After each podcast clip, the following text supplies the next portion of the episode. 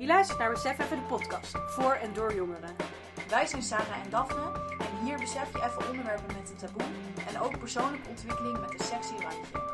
Dit is Besef Even.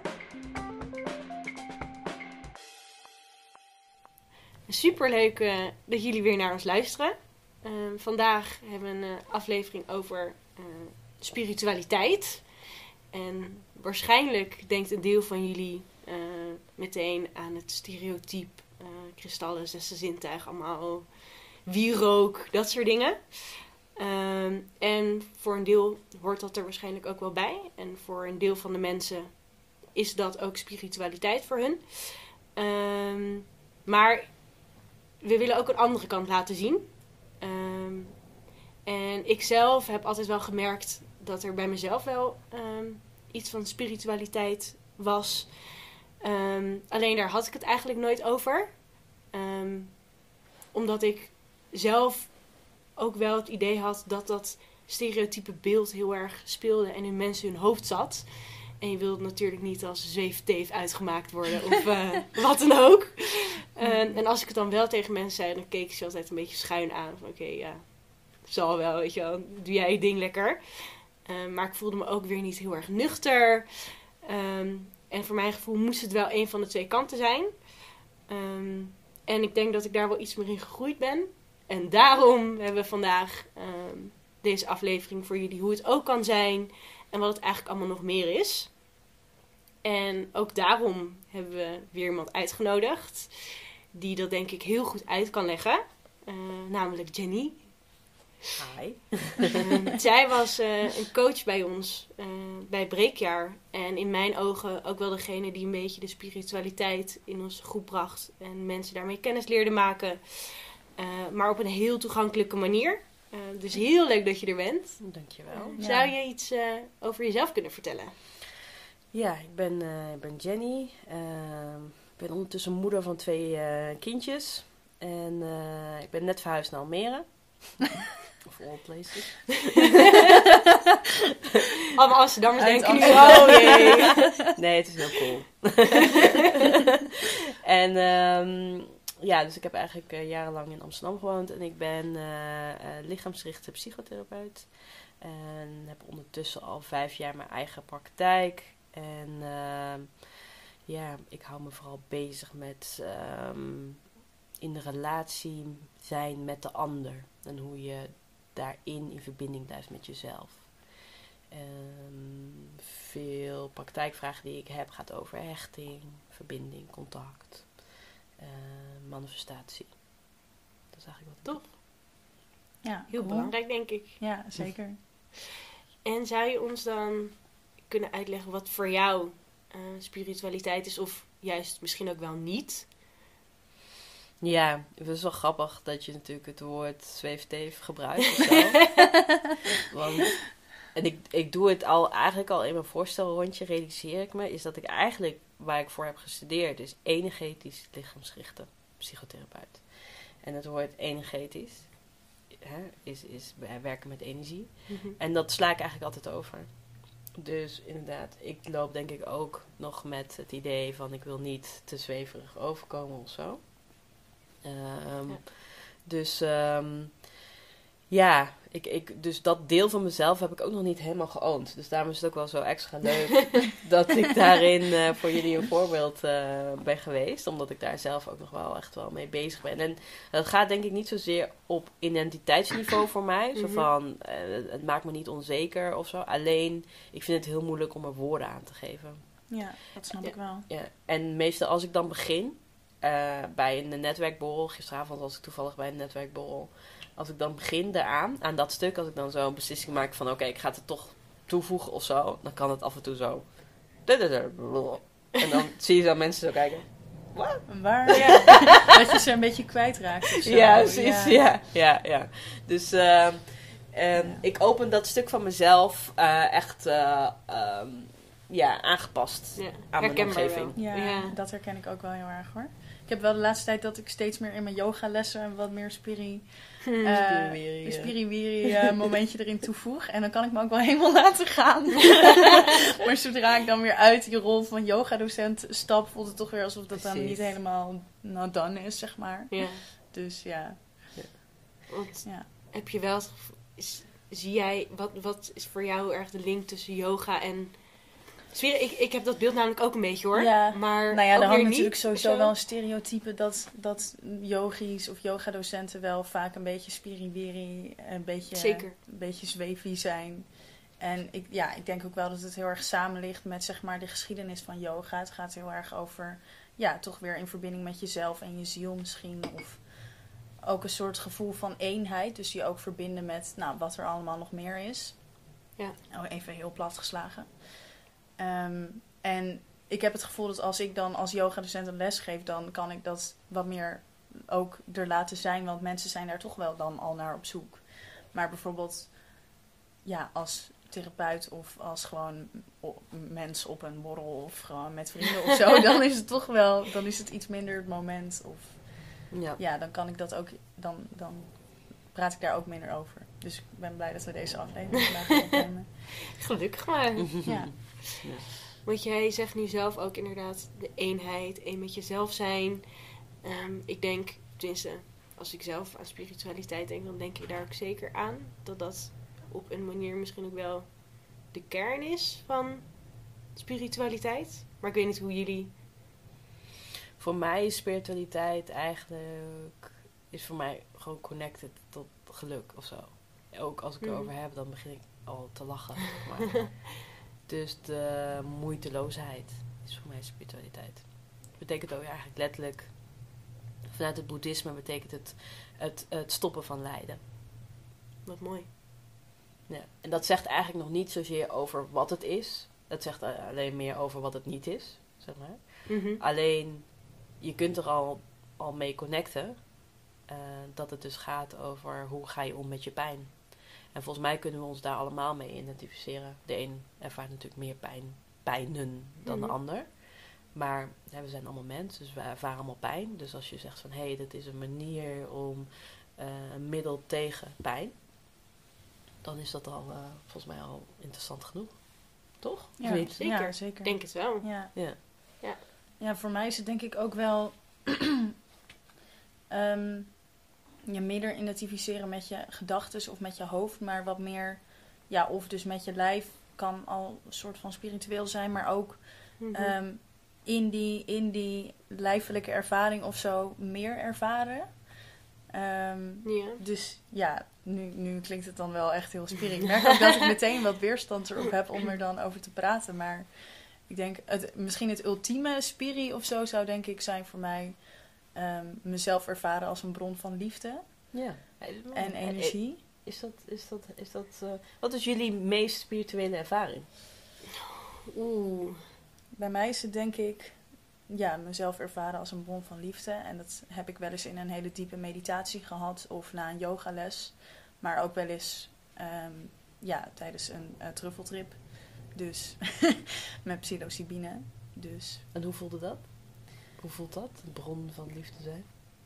eh, het voelt heel extatisch en heel... Ja, je, het is heel moeilijk om er een woord aan te geven. Maar een beetje een soort van... Alsof de energie een beetje bruisend is of een beetje trilt. Ja, In jou of om jou heen? beide. Ja. En jij?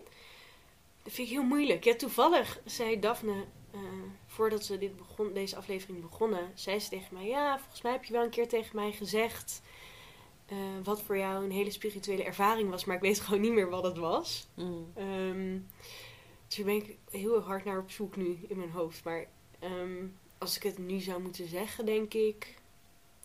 Ik denk wel een beetje wat Daphne net omschreef, maar dan op een andere manier. Dus eh, dat je opeens een soort golf van warmte door je heen voelt en liefde. En ook wel, ja, ik geloof dan ook wel een beetje in, in de energieën van, van voorouders. Eh, Mhm. en dat die de guidance zijn voor je. Dus dat je dan om je heen een soort warmte voelt en dat je denk een beetje overspoeld wordt door een gevoel van bescherming, denk ik. Mm. Ik denk dat wel, maar ook wel dat dat misschien de, de mooiste is. Of de fijnste. Maar, Ja. en voor jou? Ik denk dat. mm, ik heb toen ik 13 was, heb ik eh, op het punt gestaan om een einde te maken aan mijn leven. En ehm, het was voor mij gewoon zo. Ja, ik zag gewoon geen uitkomst. Dus het was niet zozeer dat ik het wilde doen of zo. Ik stond op een brug. Ik, het was niet zozeer zo van dat ik had besloten om te springen, maar nou, ik was toch geëindigd op die plek. Dus Ja. een of andere manier dreef me iets daar naartoe. En, ehm, en toen werd er, kwam er ook eigenlijk een gevoel van ja, zoveel verlangen in me naar boven. En, maar ook zo'n realisatie van eh, ja, je bent beter dan wat er nu is of zo. Ja. En dat die, eh, die ervaring heeft wel heel veel veroorzaakt. Want toen ben ik ook gewoon weggegaan van huis op mijn dertiende. En ja, vanaf dat moment. Ja, vanaf dat moment ehm, ja, ben ik eigenlijk altijd, ja, ja, hoe zeg je het? In beweging geweest. Dus die, die rush van energie heeft heel veel beweging op gang gebracht. En later, kijk, je praat met iemand die, die echt al, bijna alles heeft geprobeerd. Zou je niet zeggen, maar ik heb heel veel drugsvormen gep- uitgeprobeerd. ehm, en ik denk uiteindelijk ehm, ben ik gestopt met, eh, met drugs eh, toen ik een ayahuasca-ervaring, een eerste ayahuasca-ervaring had. Eh, en dat was voor mij gewoon dat ik dacht, oké, hier kan gewoon niks aan tippen, zeg maar. Ehm, en toen heb ik wel echt ook echt reizen kunnen maken. Dus waarin ik met meditatie of inderdaad met drugs niet zozeer dat ik even zo'n gewaarwording had en dat dat dan weer inzakte. Had ik met ayahuasca echt dat ik gewoon antwoord kreeg op vragen. En dat het gewoon een soort van geven en nemen was. mooi. Ja. En dus ik herken al- allebei de stukken die jullie eh, zeggen daarin. Zo van het volledig beseffen dat ik niet mijn gedachten ben, niet mijn lichaam ben. ehm, niet mijn, mijn, mijn huis, mijn status ben.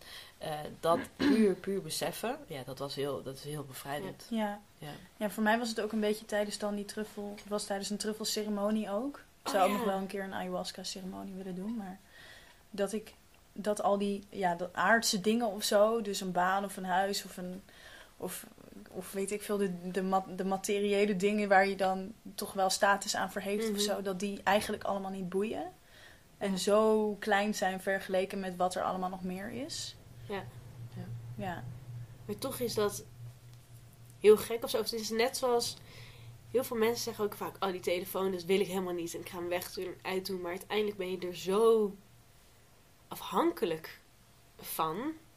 Ehm, en ik merk wel dat ook, ook in de context van spiritualiteit, dat ik daar zelf heel erg zoekende in ben van: Oké, wat dan wel en wat niet? En wat hoeft niet? En wat, wat kan dan ook, wat kan ik dan ook aan de kant zetten? Mhm.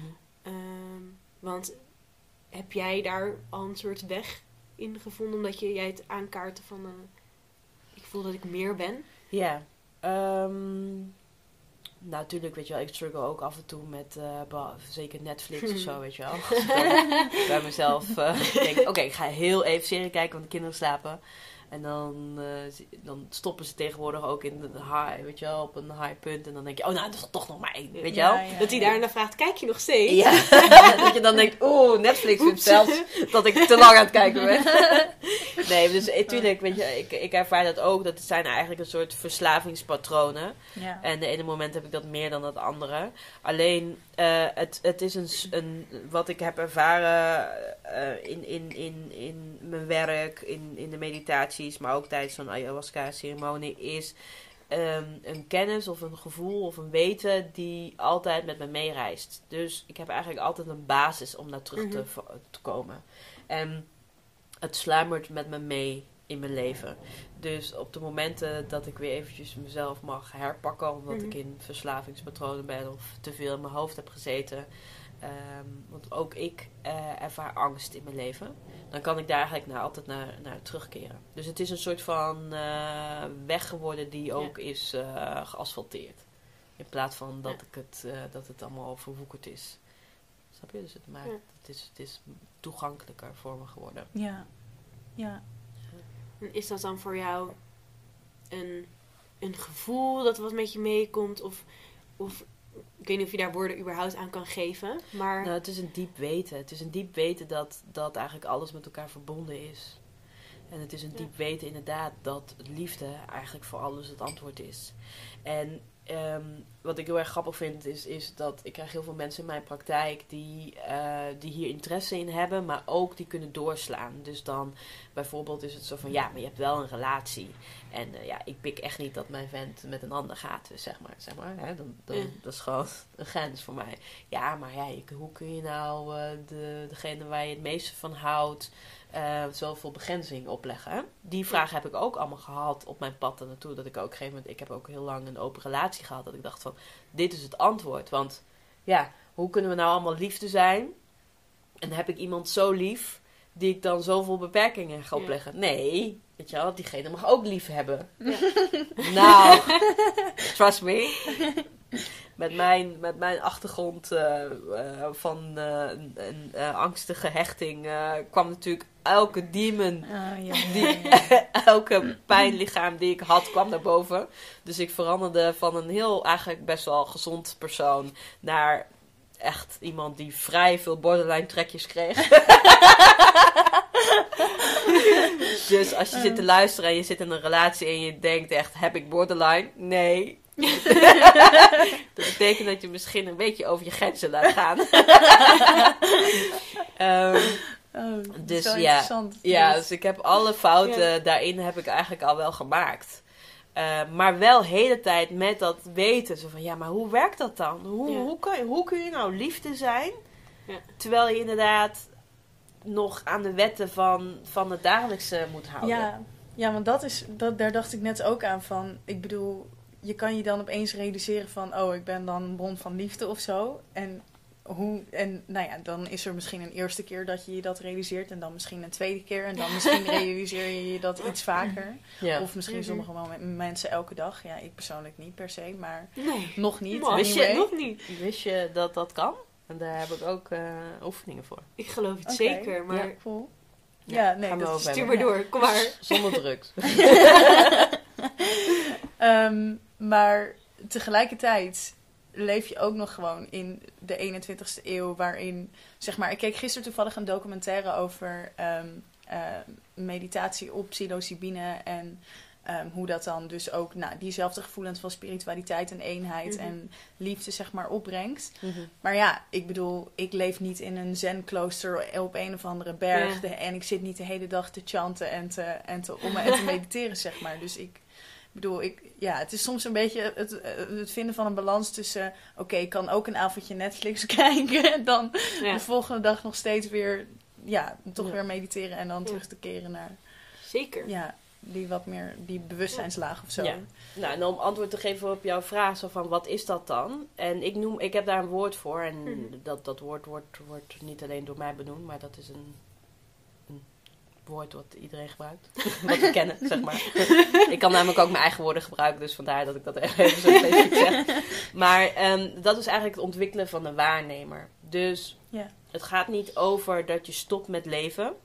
Want dat is wat ik eigenlijk naartoe wilde. Zo van, er zijn ook heel veel mensen die dan Mhm. inderdaad stoppen met op een bepaalde manier leven, waardoor ze over hun grenzen laten gaan. Hè? Omdat ze dan zeggen, ja, ik ben dan inderdaad een bron van liefde, dus ik moet een open relatie hebben zoals ik. En, eh, en eh, eh, iemand vraagt me 20 euro en die geef ik dan. Ja, weet je wel, dus overvloed Ja. en delen en dat soort dingen. Ja. Nee, de, de, als je de waarnemer ontwikkelt, wat er dan eigenlijk gebeurt, is dat er een soort van, ja, een hele heldere stem in je zit.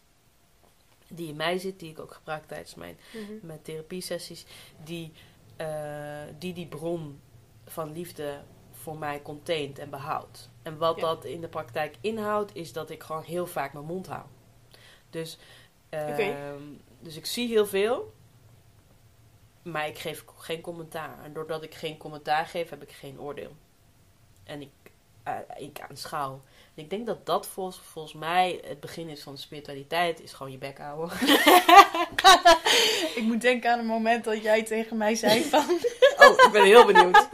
Dit wordt leuk. eh, dat jij mij echt zo even apart pakt. Want volgens mij, ik praat meestal gewoon meteen wat ik denk, zeg maar. En toen pakte jij mij zo even apart. En volgens mij was je een beetje geïrriteerd. en toen zei je zoiets van... ehm, misschien is het een idee dat je heel eventjes bij jezelf incheckt en nadenkt over wat je precies wil zeggen voordat je het zegt. En ik schrok daar best wel van, want niemand had het ooit tegen mij gezegd. Het is echt twee jaar of drie jaar geleden of zo. Ehm, maar het heeft me wel geholpen daarna, zeg Ja. maar. Want ik, ik ging wel opeens een soort van nadenken van... oh ja, maar wat ik denk, ik denk of ik dan heb dan meteen ergens een oordeel Ja. over. Dat hebben we natuurlijk allemaal, dat is heel menselijk. Mhm. Maar je hoeft dat natuurlijk niet altijd helemaal met het oordeel mee te gaan. Want ja, je bent niet je gedachte, dus je bent ook niet per se dat oordeel. Precies. Ja. Ja. ja, en wat heel mooi is, is dat als je het vaak even laat zijn, dan komt het weer terug naar je. Dus ehm, ehm, ehm, iemand die naast je zit en die zich verdrietig voelt of zo. Of wat net met jou gebeurde, hè, dat, dat, de dat de kern van je onzekerheid nog niet naar boven was gekomen. Ja. Eh, eh, dat was voor mij al voelbaar toen ik binnenstapte. Alleen, het is niet aan mij om dat met jou, Ja. tegen jou te vertellen. Ja. Eh, ik hoop alleen dat ik aanwezig genoeg ben, zodat jij bij je gevoel kan komen en dat Ja. met mij kan delen. Ja. En dan hebben we echt de connectie. Want als we dat gesprek niet hadden gehad, dan was, stond dat altijd nog tussen ons. Zeker. En ik denk wel dat natuurlijk ook dit voorbeeld. Daarna kwam het ook wel je vroeg het ook wel. Maar ik, ik voelde al wel meteen van oké, ja, het, het kan, zeg maar. Eh, en dat herken ik. Ik had ook zo'n voorbeeld wat Daphne net gaf. En dat is dan niet per se een oordeel. Maar ik, had, ik heb altijd wel het antwoord op de vraag die wordt gesteld, zeg maar. Ehm, en op een gegeven moment zei mijn mentor ook... Misschien moet je even...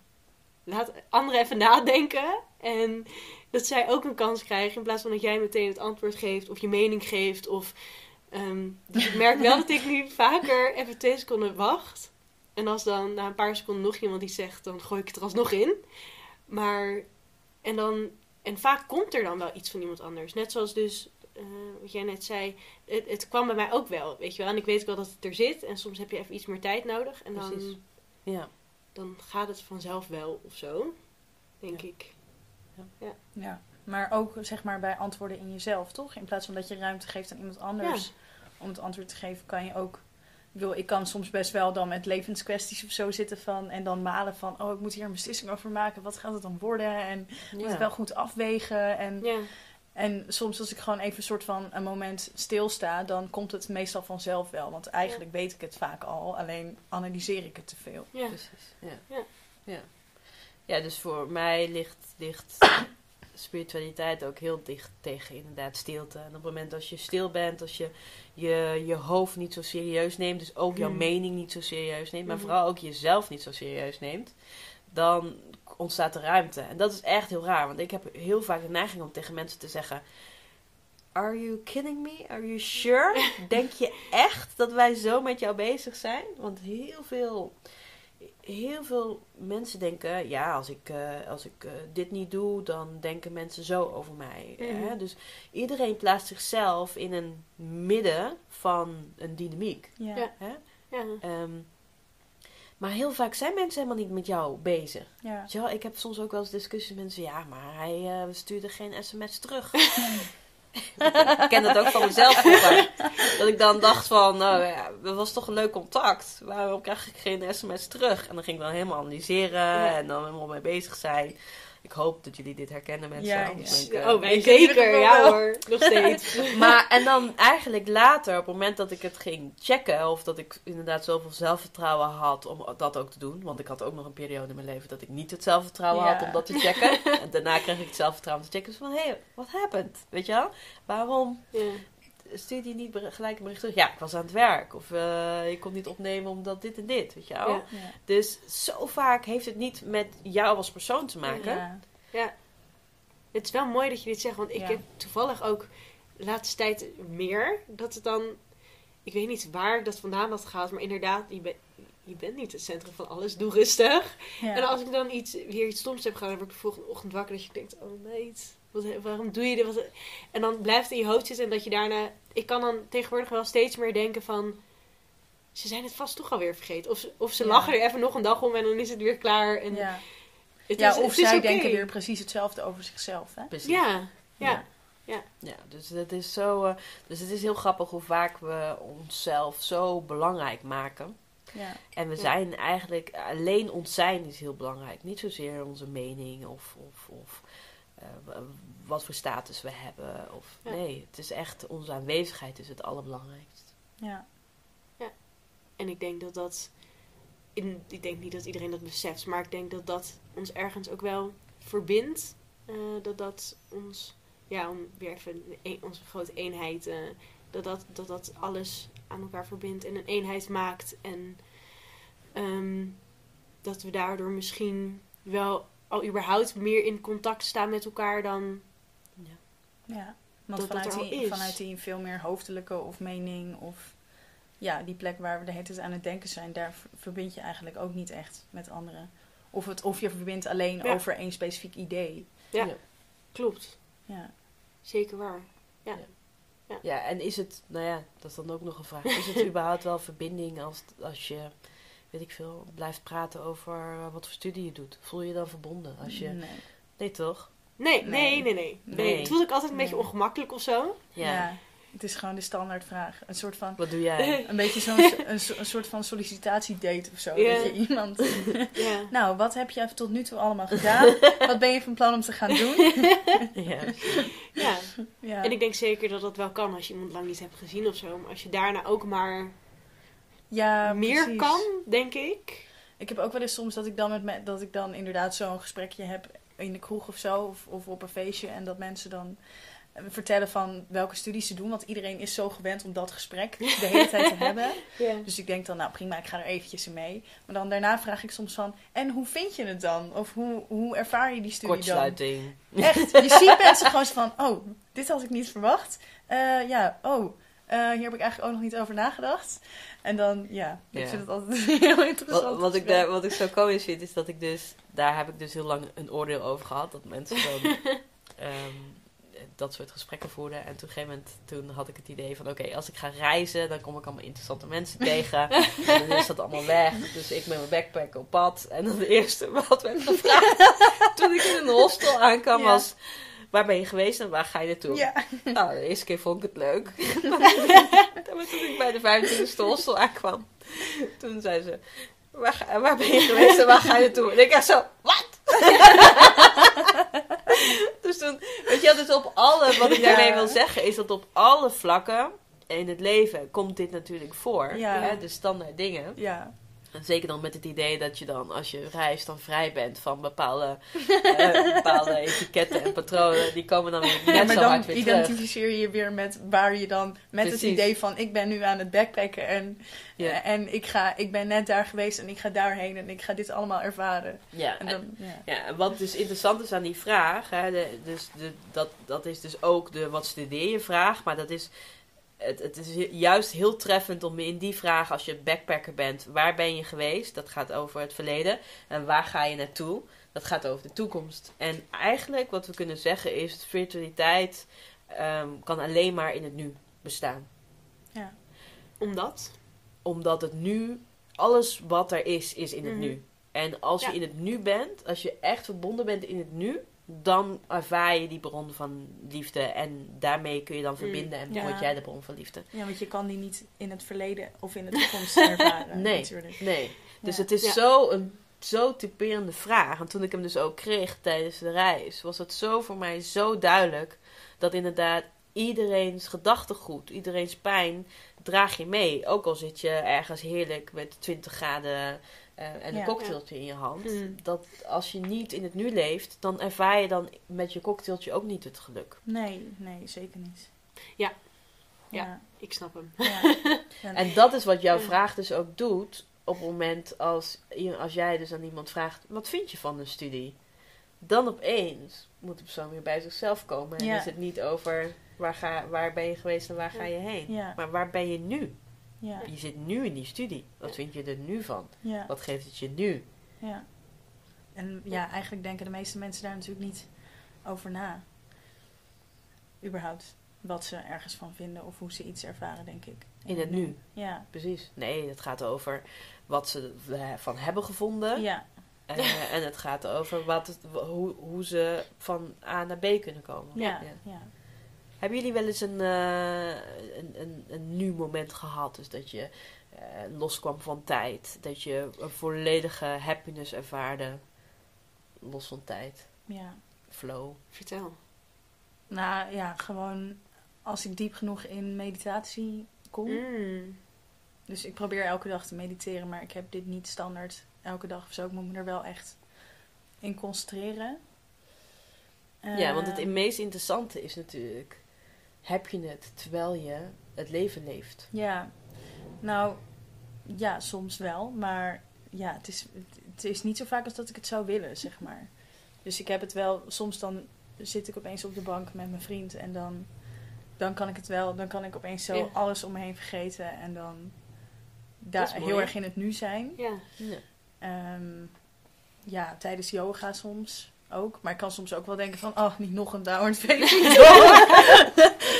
Ehm, ja. Ja of, ja, of tijdens die ervaringen dat ik dus ehm, ja, toch mezelf dan ervaar als een bron van liefde sowieso. Want dat, dat, ja, dat moet wel in het nu zijn. Ja. Ja. Ik heb het vaak na stress. Maar dat is denk ik ook logisch. Als ik dan voor een hele drukke periode heb gehad en dan daarna zit ik ergens op een terras of zo, dan is het allemaal weg en dan ben ik daar gewoon. Ik denk dat ik het op dat soort momenten vooral heb. Ja. Maar dat, dat komt dan denk ik meer omdat het na, na een periode is waarin je dat totaal niet hebt. Dus ik weet niet of het dan Een ontlading. Het is eerder voor mijn gevoel dan een ontlading. Ja. Eh, en echt even stil kunnen staan weer bij, bij jezelf. ja. Eh, maar ik weet niet of het dan echt het geluk ervaren, ervaren is, zeg maar. Ja. Ik was laatst ook op een weekendje weg met vrienden. En ehm, gewoon echt midden in de natuur, in het bos. En nou ja, voor mij is dat dan ook wel een beetje om wat meer in het nu te komen. En minder in die gedachtenstroom van nou, de to-do's van de week en zo. En ik zei tegen die we waren daar anderhalve dag of zo. En we hadden nog twee dagen. En ik zei tegen die vriendin van... Ik vind het toch wel weer confronterend dat ik gewoon nog steeds de hele tijd bezig ben met... En de dingen die ik straks ga doen als ik Ja. weer terugkom in Amsterdam. Ja. En de dingen die Ja. ik vandaag nog wil doen. Als in dat je dan. Ik ben, ik ben eigenlijk continu dan aan het bedenken van. Oh, de zon schijnt. Oh, ik ga zo even een boekje lezen in de zon. Of oh, straks ga ik even yoga doen of hardlopen. Of laten we straks een. Of wat gaan we vanavond koken, weet je wel? Dus dan ben je nog steeds de hele tijd aan het bedenken van. Oh, wat ga ik straks doen? In plaats van dat ik echt kon genieten in het nu. Ik merkte wel Ja. dat ik dat echt lastig vond. Nee, dat kan. Maar ik denk ook niet dat het erg is. Ineens als je denkt van... Hé, hey, ik ga straks yoga doen omdat je denkt... Oh, daar heb ik zin in. Dan denk ik niet dat het erg is of zo. Nee, het is niet erg, maar dan Is tijdens de yoga erg, denk maar- ik, oh, ik, ben- ik heb zin om straks eten ja, te maken of ja, zo. dat is, ja, precies. Dus het gaat wel Ja. door, zeg maar. Ja. Weet je wanneer ik het heb, bedacht ik net. ik had het eh, heel erg tijdens eh, het, eh, de buitenweek van dit jaar. Toen was ik mee als kitchen crew. Toen had ik het heel erg. Hmm. Maar ik denk ook, dat merk ik eigenlijk altijd als ik weer in breakjaar vibe zit. Dan is het even helemaal zen of zo. Dan is het weer helemaal... Alles is oké en het is prima en, en het komt wel. Dus toen, toen had ik het heel erg. Ja, en ik- toen was ik natuurlijk ook bezig met... Oké, wacht. Ik moet dan en dan dat af hebben en dat gemaakt hebben. Eh, want anders dan sterven ze straks. Omdat ik ze geen eten heb gegeven. maar, maar op zich... Ik was gewoon de hele tijd kleine dingetjes aan het doen. Van ik dacht, oh, nu kan ik even dit gaan doen. Of even, ik was wel heel erg daar of zo. Ja. Mm. Ja, dat, ik denk dat dat het ook is. Is dat het, het gaat ook over in het moment kiezen om wat je aan het doen bent ook echt volledig te doen. Ja. Dus bijvoorbeeld als ik op een fiets stap, eh, dan kies ik ervoor om op de fiets te zitten. Ik kies er niet voor om de trein te halen. Of ik kies er niet voor om boodschappen te doen. Nee, ik kies ervoor om op de fiets te zitten. Dus dat ik de beslissing heb gemaakt om boodschappen te doen, die laat ik, laat ik los in het moment dat ik aan het fietsen ben. Onderweg naar de supermarkt. gek. ja, daarom. Ja. Dus het is, Ja, het, nou, het heel klink- dubbel ik vind het wel logisch klinken, maar ik vind het wel moeilijk nog in de praktijk. ja. Ja, hoe doe je dat in de praktijk? Want je, hebt toch, je gaat toch op de fiets om boodschappen te doen. Mhm. Hoe doe jij dat in Geef de het praktijk? antwoord, Jenny. Jij, Ja. jij hebt dit. Nou, eh, precies wat ik, het, eh, wat ik al mezelf hoorde zeggen. Ik gebruik het woord kiezen. Ja. Mm. Daar Ja. begint het. Ik denk dat we eigenlijk hebben verleerd om te kiezen. Want als je kiest om op de fiets te stappen, dan is eh, het fietsen wordt al zeg maar een onderdeel van, van de reis. Hè, dus even te vergelijken met zo- zo'n uitspraak heb je toch zo van. eh, de, de, de reis begint al bij het moment dat je de deur uitstapt. Ja. Maar heel veel mensen kiezen ervoor om, om een crappy vlucht, eh, net, net zoals ik hoor, de- deed dat vroeger ook. Dan ging ik op zoek naar de goedkoopste vliegticket. En dan had ik soms dat ik zeven uur, eh, weet je wel, overstap had. Maar nee, voor mij ging het over dat ik daar was. Ja. eh, Op mijn bestemming. En hoe ik er kwam, maakte me eigenlijk niet uit. Op een gegeven moment heb ik dat echt omgedraaid. Dat ik dus ook gewoon echt de vliegreis als, als een onderdeel van mijn vakantie zag. Dus Ja. nou, Is de- natuurlijk ook. Dat is Ja. het natuurlijk ook. Dus waarom zou je dan net die 100 euro besparen om dan die 7 uur delay te hebben? Ja. Of, hè? Dus, ehm, dus ik denk dat het, dat het heel erg over het bewustzijn van je keuzes. Dus ja, je, hè, je kunt kiezen. Oké, ik ga zo naar de supermarkt. Dat is dan in de toekomst. Ja. Maar als je dat dus gaat doen, ben dan in het nu. Ja. Dus stap op die fiets. Ja. Voel, en dat begint met voelen. Dus voel je voeten. Voel dat je voeten op de trappers zitten. Duw de trappers naar beneden. Adem bewust door. Kijk om je heen. Zet niet een, een luisterboek op, maar Ja. zet hem eens uit. Kijk eens om je heen. Ja. Hoor eens wat je hoort. Kijk eens naar de lucht. Ehm, ruik eens wat je ruikt. Ehm, voel, eh, voel de wind op je, op je, op je handen.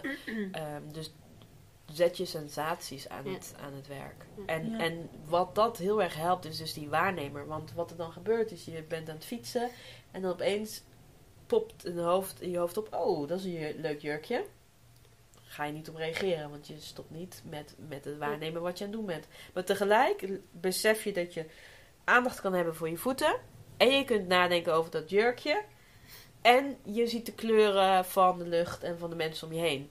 Dat Ja. kan dan opeens allemaal tegelijk aanwezig zijn. Ja. En dan ben je aanwezig. Omdat je Ja. niet reageert. Je ervaart ik. Ja, eigenlijk een soort van meditatief fietsen. Ja. Ja. Dus eigenlijk is het dus heel goed omschreven. Als je meditatief door het leven gaat. Ja, dan heb je dat, draag je dus dat altijd met je mee. Dan niet alleen maar op je yogamatje. ja. Ja, het is wel grappig, want ik had het er laatst met mijn vriend over dat ik dan altijd haast naar de yogales. Om daar tot rust te komen. Ja. Oh jongens, wat blij dat ik hier ben. maar het is zo typisch. Ja, ik ken niet heel veel andere yogadocenten, zeg maar persoonlijk. Maar ik kan me, ik kan me heel goed voorstellen dat soort van in het begin van. Zeg maar, ik denk de reden van, voor mij bijvoorbeeld waarom ik dan yoga ben gaan doen, is omdat ik altijd natuurlijk ontzettend gehaast overal naartoe ga. Ja, ja. En gewoon continu een soort van dus bezig ben met het volgende wat ik ga doen. Ehm, dus voor mij is het wel een soort van manier om, eh, eh, om dus in het nu te komen, wat voor mij dus niet heel natuurlijk of makkelijk gaat.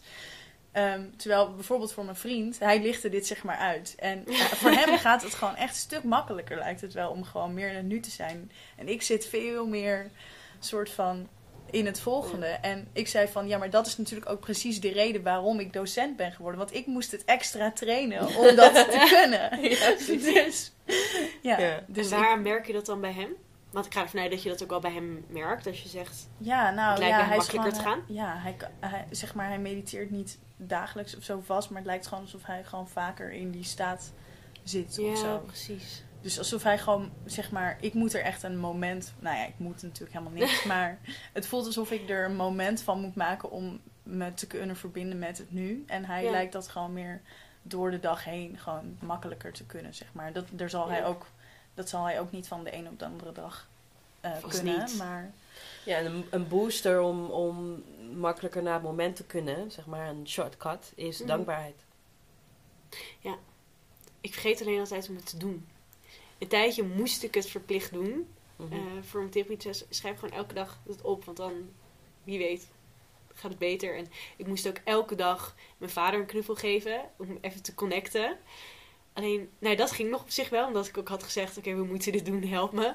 Hm. Alleen, die dankbaarheidsopschrijving. Ik vergeet het gewoon heel vaak. Of zo. En wel af en toe dat ik er ook wel bij stilsta. Dat ik denk, wow, ik heb net dit gedaan. Ik ben echt trots op mezelf. Maar het, ik zelf sta gewoon, denk ik, te weinig stil bij wat ik heb gedaan. Als ik het heb gedaan, zeg maar. Eh, en ga het dus dan doen. Oh, maar wacht, ik moet ook nog dit doen en dit doen. En dan gaan we dat nu maar meteen doen. En Ja. dan. Ja, dus, dus dankbaar zijn is ook een kwestie van stilstaan in het Ja. nu. En, en je kunt dat altijd aanzetten. De, je, je- ja, ik noem dat dan je dankbaarheidspet op.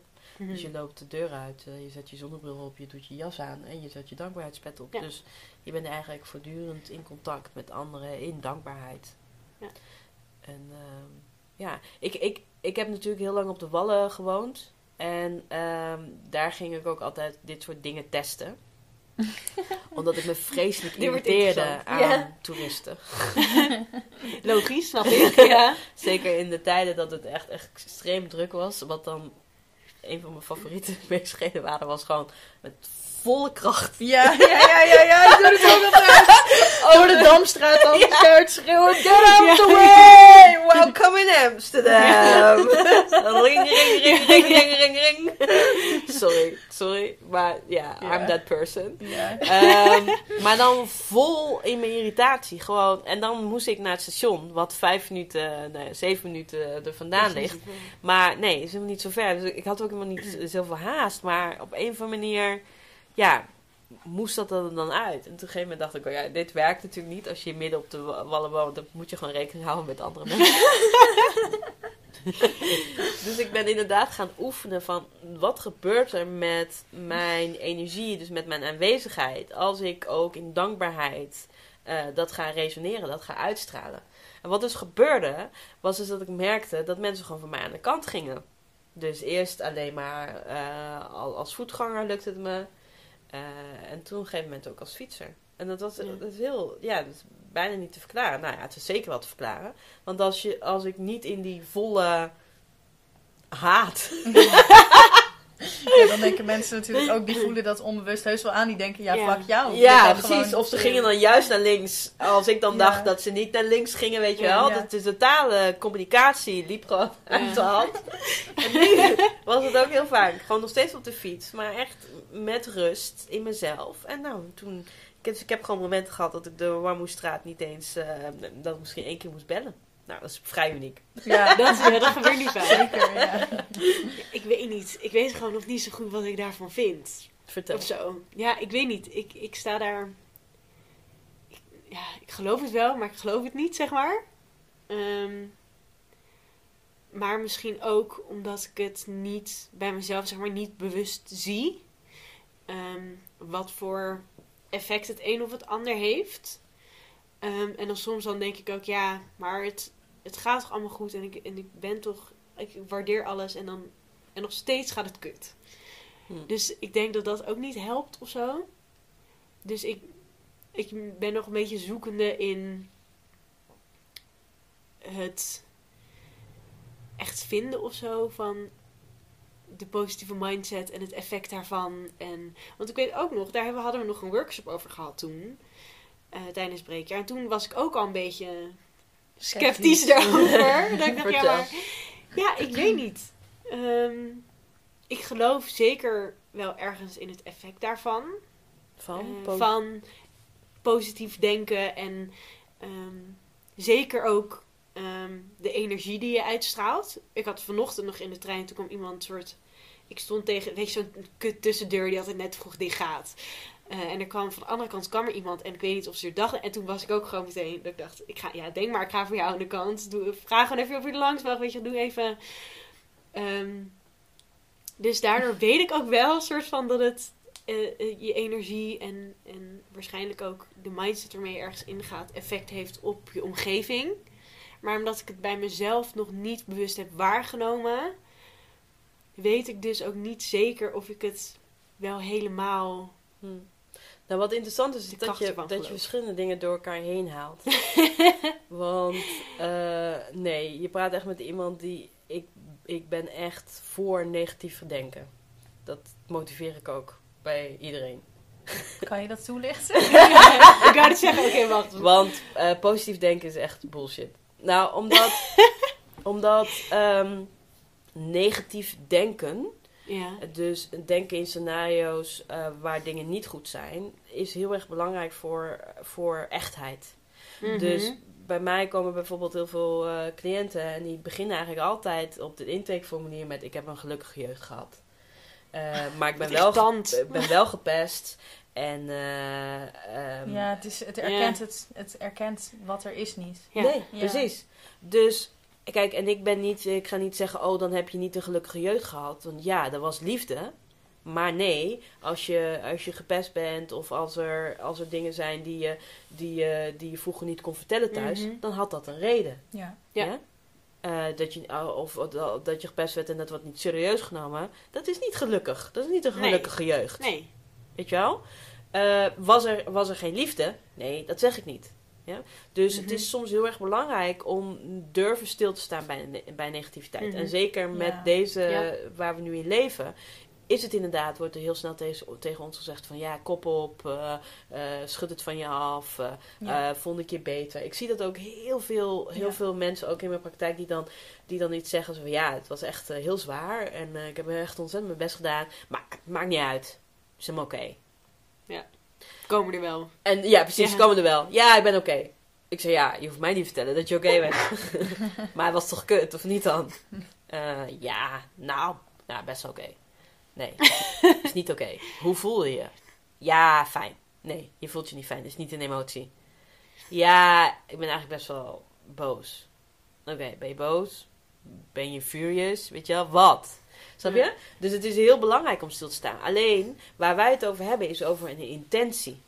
Ja. Dus al het voorbeeld waarin ik aangeef dat je aan het fietsen bent en dat je die leuke Mhm. jurk in de etalage ziet en dat je de kleuren Ja. van het terras ziet en dat je ook nog kan voelen dat je verdrietig bent. Ja. Dat kan allemaal tegelijkertijd. Ja. Het is niet het een en het ander. Het is niet dat als je positief moet zijn, Mhm. dat je dan geen negatieve gedachten kan hebben. Dus de intentie, hè, dus je hebt eh, op heel veel verschillende lagen heb je intenties. Je hebt een, een positieve intentie, je hebt een negatieve intentie, je hebt een moeiteloze intentie. Eh, dat zijn eigenlijk allemaal intentievlakken die je kunt aanzetten in je leven. Dus Mhm. Ja. een positieve intentie kan zijn: ik wil op tijd zijn. Ja? Ja. En als je die voortzet, dan word je in de onderstroom meegedragen.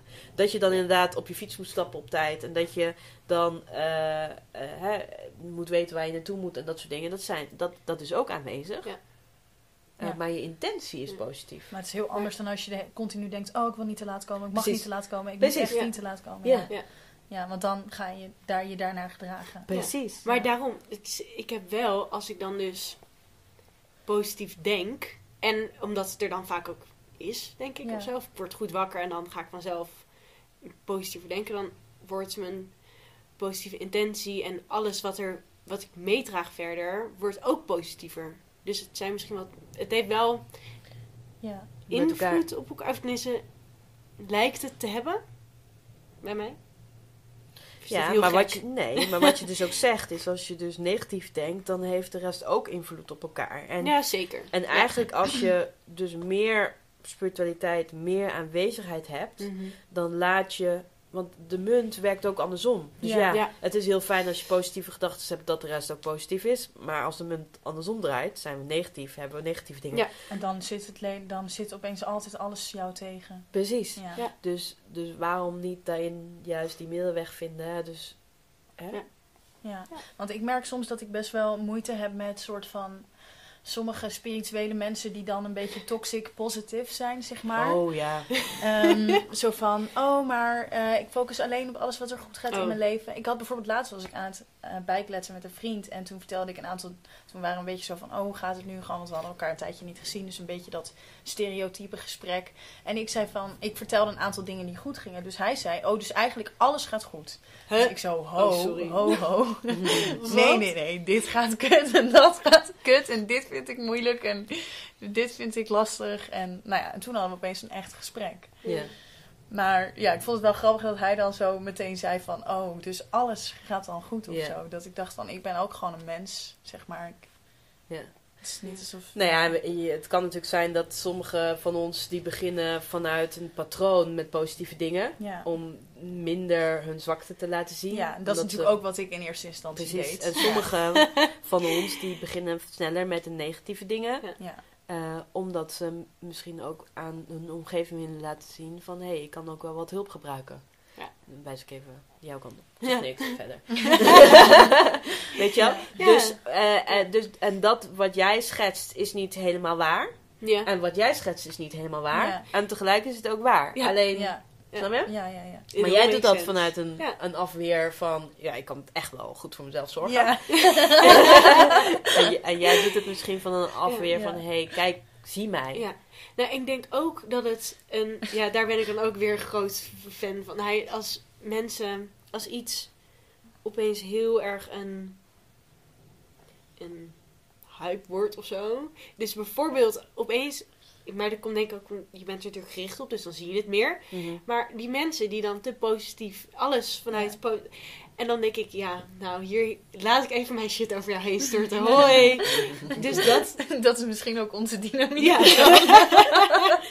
Weet je ik is dat... denk ik eh, ook een beetje. En natuurlijk de maatschappij, alles is eh, positief en het moet maar goed gaan. En ja. denk, voor mij is het ook een tegenbeweging daaruit. En van, hoi, helpen. Ja, Natuurlijk ook. Ja. Maar ik noem het eh, spiritueel ego. Kan je het nog even Ja. uitleggen? Ja, dus we, dus we weten aards ego. Ja, Aards ego, eh, hè? is, Nou. ik ben, ik ben Ja. therapeut, ik ben yogadocent, ik ben, Ja. ik ben advocaat, weet ik veel. Precies, ja. Eh, ik weet het beter dan jij. eh, ik ben slimmer. Ik ben succesvoller. hè. Dus wat er gebeurt is, het is, het is als een soort van zandloper. Jullie kunnen dit niet zien, maar ik pak een denkbeeldige zandloper. dus als bij de... Dus sluit nu je ogen en visualiseer. nou, dus- Tenzij je op de fiets zit en je ja, niet je ogen dicht doen. Probeer in het moment te blijven. voor de rest zijn we geen zweefteven hoor. Maar, Maar dus de zandloper aan de onderkant, die is gevuld. En Ja. dat noemen we dan het spiritueel ego. Maar op het moment dat je de zandloper omdraait, en daar is die ook aan de bovenkant eh, gevuld. En dan zit je dus bovenin, dus bovenin Ja. de spiritualiteit, de lucht. Dat, daar bestaat ook ego. Dus inderdaad, als je blijft hangen eh, in... Als je je aardse ego niet hebt doorgewerkt en je Mhm. weet niet waar je ego in het aardse zit, Mhm. dan neem je hem gewoon mee in het spirituele. Ja. Dus wat, we heel vaak, wat men heel vaak doet, ze, ze hebben dan iets gehoord en ze denken dat dan toe te passen, maar eigenlijk passen ze dat gewoon toe op hun ego. Dus de ego van het aardse die zegt: Ik heb dit, ik heb zus, ik heb zo. Als je dat omdraait naar het spirituele, jij moet dit, jij moet dit jij moet dat. Ja, Ja. want dan is het nog steeds, ik weet het Ik beter, want ik ben spiritueel en ik, en ik ben dus verder dan jij en dus Ja. zo moet je het doen. Ja, of zo. ja, en dan krijg je dus een hele soort van eh, Instagram staat er vol van. Met mensen die allemaal tips en tricks geven. En halve Jezus irritant. die voorbij komen. oh, alles zit in je. Je hoeft het alleen maar te voelen. En, eh, en dingen als van, eh, ja, de schat zit onder je. En eh, je hoeft alleen maar te graven. Weet Ja. je wel, dat soort uitspraken. Ja, Ja. tuurlijk. Ja. Weet je wel. ehm, het is niks zeggend. Net zoals dat het aardse niks zeggend is, wordt het spirituele ook niks zeggend. Maar en dit vind ik heel fijn dat jij dan dit ook toelicht. En ik denk ook waarom ik jou heel graag in deze aflevering wilde, is van jij kan nog steeds eh, spiritueel en down to earth zijn, maar zeg maar het ook een beetje ehm, eh, zeg maar in de maling nemen of zo. Dus niet eh, die hele stereotypes Ja. waarbij sommige mensen meteen aan denken. Als je denkt aan spiritualiteit, Mhm. hoeft dus helemaal niet te zijn hoe wij het dan of hoe ik het dan ervaar, zeg maar. Ja. Ja. Ja, want ik cringe daar eerder van dan dat ik Ja, denk ik dat dat, dat, Ja. dat de wa- ja, een waarheid, maar niet per se mijn waarheid is of zo. Ja, Ja. Absoluut. Helemaal Ja. mee eens. Maar wat ik bijvoorbeeld ook irritant vind, is dan... Oké, maar. nou komt het. Let's Ja. go. Nou ja, gewoon het hele love attraction idee en, en nou ja, hoe je daarin dan, want we hebben het nu gehad over ego en als je dan meer hebt over manifesteren en de dingen naar je toe trekt, ook misschien over eh, welke kant de kop, eh, de munt op ligt, zeg maar, kop of munt. Ehm, maar wat dan als je bijvoorbeeld nu met die oorlog in Oekraïne, zeg maar, wat als je dat overkomt? Zeg maar, ik denk dat heel veel mensen daar en ik me ook aan irriteer van, heb je dan niet goed gemanifesteerd of zo? Terwijl dat is iets wat totaal buiten jouw ehm, zeg maar, invloed ligt.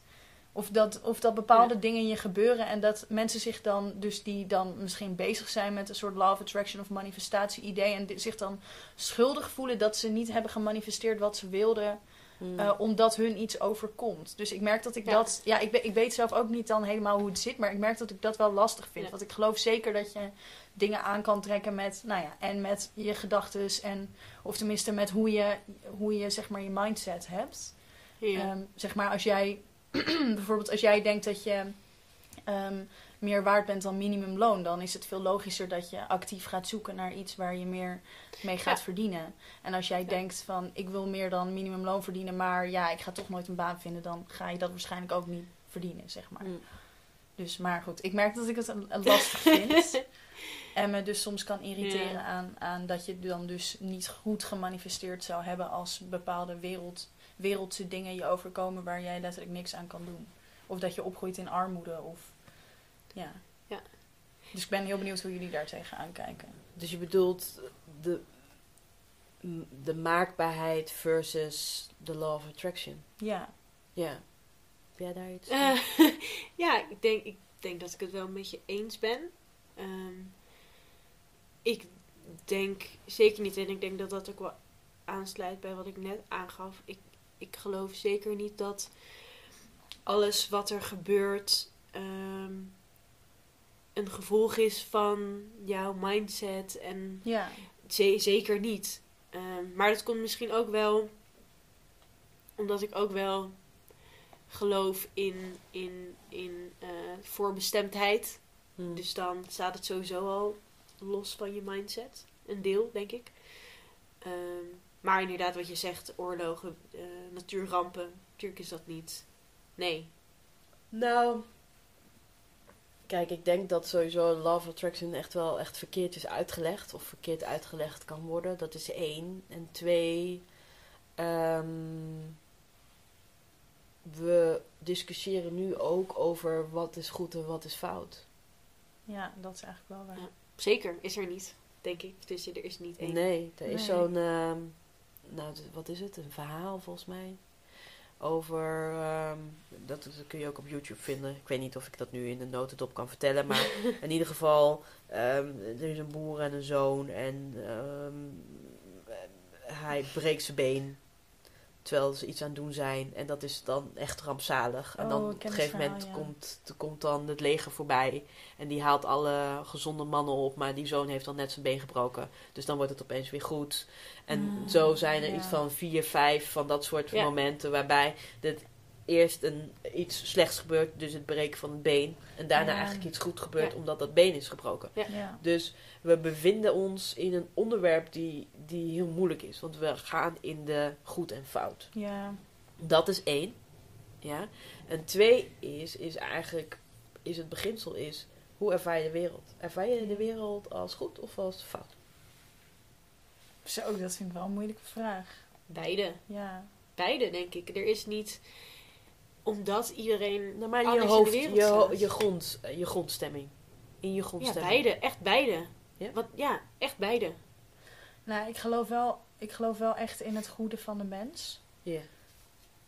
Maar soms als ik dan te veel negativiteit of zo hoor, dan kan ik wel weer even balen of zo van de mens. Dus in die zin, ja, als ik echt heel eerlijk ben, dan zeg maar, ik denk dat ik vroeger wat meer de wereld zag als mijn vijand en ehm, ja, alleen maar het slechte zag. En inmiddels is dat zeker wel anders, maar het is niet alsof ik altijd Ja. denk dat het alleen maar goed is. Zo. Precies, ja. Dus en dat is, dat is eigenlijk al een heel, heel, dat is al een beginsel. Als je daar bewust van bent hoe je de wereld aanschouwt, dan kun je ook sneller de gebroken been zien. In plaats van dat hij, Dan als iets goeds of slechts, ja. precies, ja. Want eigenlijk is het ook weer meteen een oordeel en zit je dus niet in die waarnemer. inderdaad, Ja. klopt. Jeetje. Ja, het is heel subtiel. goed. Ja, het zijn, het zijn eigenlijk uiteindelijk wordt alles Ja. vanuit een gedachtepatroon eh, aangezet. En eh, kijk, ik, ik, ik ben niet een persoon die zegt: Oh, oorlog is goed. Absoluut niet. Eh, alleen, eh, je kunt ook een moment pakken om er zonder oordeel naar te kijken.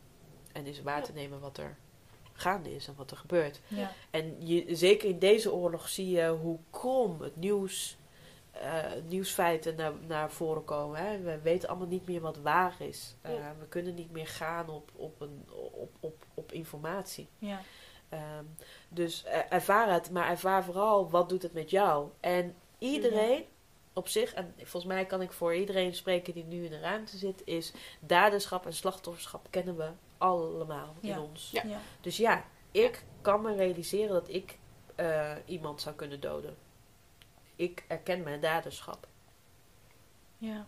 Terwijl ik in mijn Ja. leven heel veel slachtoffer ben geweest. Ja.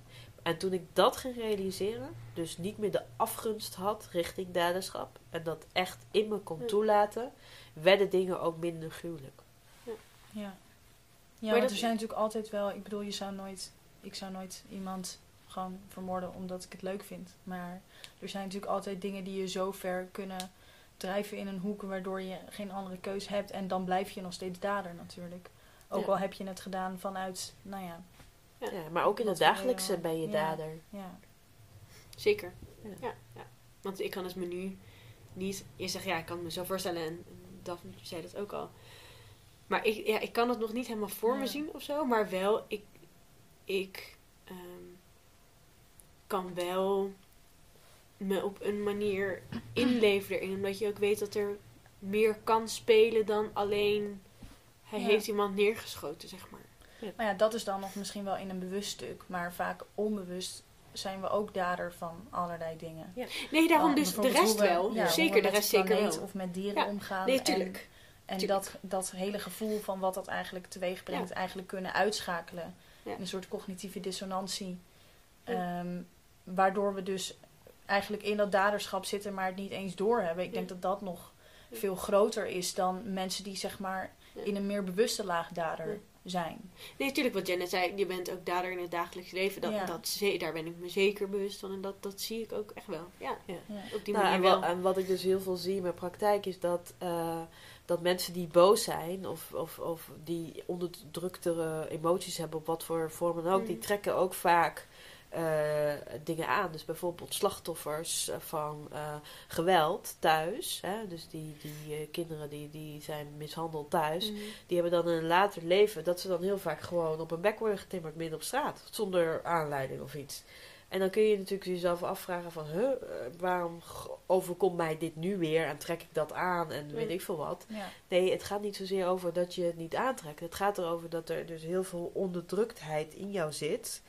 eh, wat energie is, eh, Ja. wat een ander oppikt. Ja, ja, Dus ik kan altijd, eh 9 van de 10 keer kan ik al eigenlijk altijd, als iemand het over woede heeft, of die heeft over, ja, ik, ben, ik heb weer een rechtszaak aan mijn broek hangen, of ik krijg allemaal boetes, of wat dan ook. Nou, dan kan ik zo opnoemen welke emoties die persoon onderdrukt. ja. Ja. Ja, super interessant wel.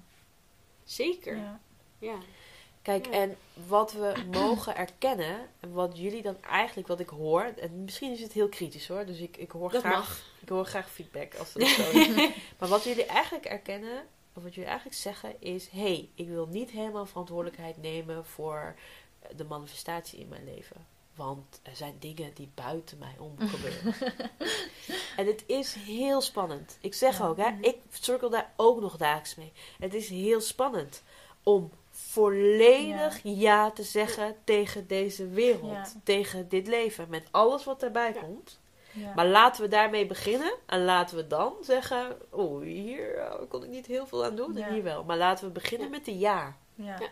Ja. En het erkennen. Ja. Ja, ik moet denken aan een... We hebben ooit een aflevering opgenomen over seksueel misbruik. Ja. En eigenlijk in die aflevering tijdens het opnemen realiseerde ik me dat ik ook zoiets heb meegemaakt, zeg maar. Waarbij, nou ja, iemand volledig over mijn grens is gegaan. Wat ik volgens mij niet in de aflevering heb gezegd. Nee, we hebben het er achteraf en vooraf wel nog over gehad. ja, Maar, en dat is nu denk ik twee jaar geleden of zo. Mm. En ik denk dat ik me pas de laatste tijd realiseer van. Ehm, en natuurlijk, ik was dan slachtoffer in deze situatie. Maar op een bepaalde manier was dat ook eh, een beetje in een dieptepunt in mijn leven. En eh, kan ik ook echt wel zien van. Als, op elk ander moment was het namelijk niet gebeurd. Dus in, in die zin, eh, de andere partij is over mijn grens gegaan. Daar valt zeker wat voor dat daderschap te zeggen. Maar ik kan ook nu inzien dat ik eh, ja, toen ook geen verantwoordelijkheid nam voor mijn eigen Ja. gesteldheid. En er daarom ook wel iets verder in mee ben gegaan Ja. dan dat ik anders had gedaan. Ja. En dat was wel ook wel best confronterend Ja. om te erkennen in mezelf van... Goh, als ik er dus op, toen op een andere manier in had gestaan, was er misschien iets anders Mhm. gebeurd. Ja, en ik wil dit nog wel ook voor de luisteraars echt nog even benoemen. Dat verantwoordelijkheid nemen voor je leven, dat kun je ook, dat gaat ook met een bepaalde bewustzijn. hè? Ja. Dus Mhm. een kind heeft een heel ander bewustzijn dan jij en ik die hier nu zitten. Ja. Hè? Dus ik zeg niet dat als een vierjarig kind, bij iemand bij een vierjarig kind over de grens gaat, dat dat kind Nee, dan meer verantwoordelijkheid moet Nee, nemen. Nee, absoluut Dus- niet. Dus eh, er, is ook, eh, er is ook een gezegde van hoe meer bewustzijn je hebt, hoe meer verantwoordelijkheid je hebt. Ja. En eigenlijk Ja. groeit dat, groeit dat Ja. eigenlijk door je leven mee. Ja. Dus ja, wij zijn nu bewuste personen. We hebben, we hebben onze eigen kracht, Ja. onze eigen macht. Mhm. Dus wij hebben daarin ook veel in slachtofferdaderschap te doen. Maar en tegelijkertijd kan ik nu me ook, ook realiseren en voelen, zeg maar, dat ik ergens dankbaar ben op een bepaalde manier dat dit is gebeurd.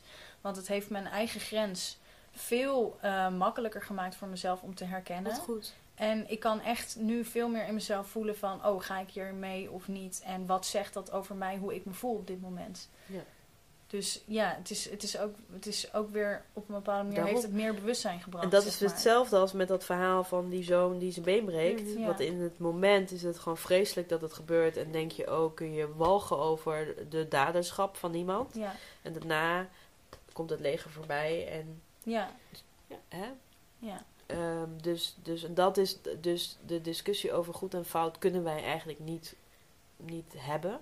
En daarnaast is de law of attraction ehm, is ook weer met de secret en dat soort dingen Ja. is gewoon ook weer in het, in het, in het eh, consumeren uit naar Ja. naartoe getrokken. ja. Zo van ja, eh, als je een dik huis wil hebben, dan eh, Grotere auto. Een grote meer auto, dat soort dingen.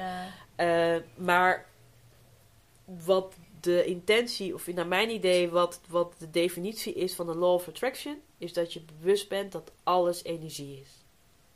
Ja. En, en ik kan een voorbeeld nemen, en jij zit daar nu middenin, je eigen, je eerste cliënten.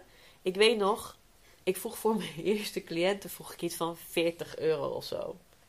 Eh, voor anderhalf uur. Mhm. Nou ja. Ehm, Waarom lach je daarom nu? omdat ik dat nu echt belachelijk vind dat ik dat drie jaar lang heb gedaan. Als in dat het weinig of dat het veel is? Weinig. Weinig, Ja. Heel weinig. Zeker, zeker de opbouw had ik gewoon makkelijker veel meer kunnen maken. Alleen het, wat het vooral over gaat, het ging niet zozeer over eh, het bedrag, maar het ging over hoe ik ermee omging. Dus bijvoorbeeld, ik vond het doodeng om geld te vragen. Als men me geld gaf, dan eh, was dat vaak om, op hun initiatief. Zo van, oh ja, ik moet je nog 40 euro geven. Oh ja, oh ja. Kon- maar dan ging ik er ook nog om lachen, weet je wel. Ehm, dus ik kon het niet eens echt ownen. Voor wat ik Ja. deed, kon ik Ook eigenlijk niet ontvangen. eh, niet, ook niet ontvangen. Eh, en ik ben dat meer gaan realiseren in, in, in mijn werk. Zo van, oh wauw, op het moment als ik geld vast heb... of op het moment als ik met iets bezig ben... dan moet ik het gewoon kunnen ontvangen. Ja. En, en eh, dus dat doe ik dus nu ook. Nu, nu als ik betaal voor mijn boodschappen... kijk ik altijd de kassière aan. Al waar ik ook mee bezig ben, ik stop er even mee. En ik kijk, je maakt echt verbinding. Ja. Ik zeg werkste, ik zeg een goede dag, dankjewel. Eh als wij gaan eten zeggen we dankjewel voor, eh, voor de mensen die het hebben gebracht, voor de mensen die het hebben eh, gemaakt. Ehm, weet je wel, Ja. dus het, da- en dat is dan die dankbaarheid die je in het dagelijkse kan terug laten komen. Het gaat over dat je bewust aan bezig, bezig bent in de energieflow. Ja. En ik geloof, als je bewust bent in de energieflow, dan ben je een onderdeel en dan komen dingen terug. Ja. Maar het begint met geven. Het begint niet met ontvangen. Ja. Ja. Ja, dat denk Ja. ik wel. Ik bedoel, je moet toch ergens de eerste stap zetten en het, het ook waard maken dat je het krijgt, denk ik, op een manier. Eh, nou ja, en als we het dan hebben over energieën die je met je, met je meebrengt. Jij op de fiets die te agressief eh doorheen raast, dan eh, is dat denk Ja. ik daar ook een heel goed voorbeeld van. Ja. We zijn alweer eh bijna een uur en een kwartier aan het lullen. Ja. Ehm, dus ik heb eigenlijk vooral nog één laatste vraag. Die denk ik heel goed is om nog even ehm, te bespreken. Omdat ik denk dat nog steeds heel veel jongeren denken... Oké, maar wacht, hoe gaan we dit doen? Hoe doe ik dit? Wat is het nou? Eh, help. Het kan natuurlijk ook best wel veel zijn wat we nu allemaal even op jullie hebben gegooid. Dus Jen, is er nog iets waarvan wat jij graag had willen weten toen je jonger was? Over En wat- ja, en wat zou je misschien ook vanuit daar, of wat je in de loop van de jaren hebt geleerd, mee willen geven aan eh, de mensen die nu luisteren? Hmm. Nou, wat, ik me, wat, wat een hele pijnlijke realisatie is geweest voor mij, is dat ik eh, heel lang heb geleefd met eh, pijn en woede richting het verleden. Dus ik ben geadopteerd. Dat was niet mijn keuze. Eh, uiteindelijk was ik 13 toen ik het huis verliet. Nou, dat was dan ook niet aan mij. Dus ik heb, ik heb lang geleden. En ehm, op een gegeven moment toen, toen kreeg ik antwoorden eigenlijk op dat lijden. Dus ehm, het perspectief van mijn moeder. Ik vond mijn moeder terug. Het perspectief van mijn moeder was niet dat ik was geadopteerd. Hè, dus de gedachte dat ik niet welkom was geweest, was voor haar helemaal niet een werkelijkheid. Voor haar was de werkelijkheid dat ik was gestolen. Dat ze me wel wilde, maar dat ik weg was op het moment dat ze me weer kwam halen. Dus ik had liever eerder gerealiseerd dat inderdaad je niet je gedachten bent, niet je familie bent, niet je status bent, maar ook niet je pijnen bent Mooi. ik had gewild dat ik, ah, dat ik wist dat, eh, dat er meerdere kanten aan een verhaal zaten. Ja. En precies waar we eigenlijk zijn geëindigd. Ik had gewild dat ik realiseerde dat ik veel meer daderschap in me had. eh, als dat ik toen wilde erkennen. Mooi, denk ik. Ja. Hele mooie dat je dat nu weer het beseft, eh, nu weet. Nu. Ja, ik denk ook zeker dat ik in deze uur en een kwartier heel veel nieuwe dingen, of tenminste, soms helpt het gewoon als iemand iets zegt, ook al weet je het wel of zo. En ik denk dat dat zeker is gebeurd, in ieder geval bij mij. Ja, bij mij jij ook nog wel. iets, eh Ja. toch? Nou ja, ik herken het heel erg en tegelijkertijd vind ik jouw verhaal altijd inspirerend. Ja, Dus eh, ja, zeker. ik, eh, ik vind het fijn dat we deze aflevering hebben opgenomen. ik ook. Ik vond het heel fijn Ja. dat je er was. Dankjewel. En dan eh, kunnen jullie volgende week weer naar ons luisteren.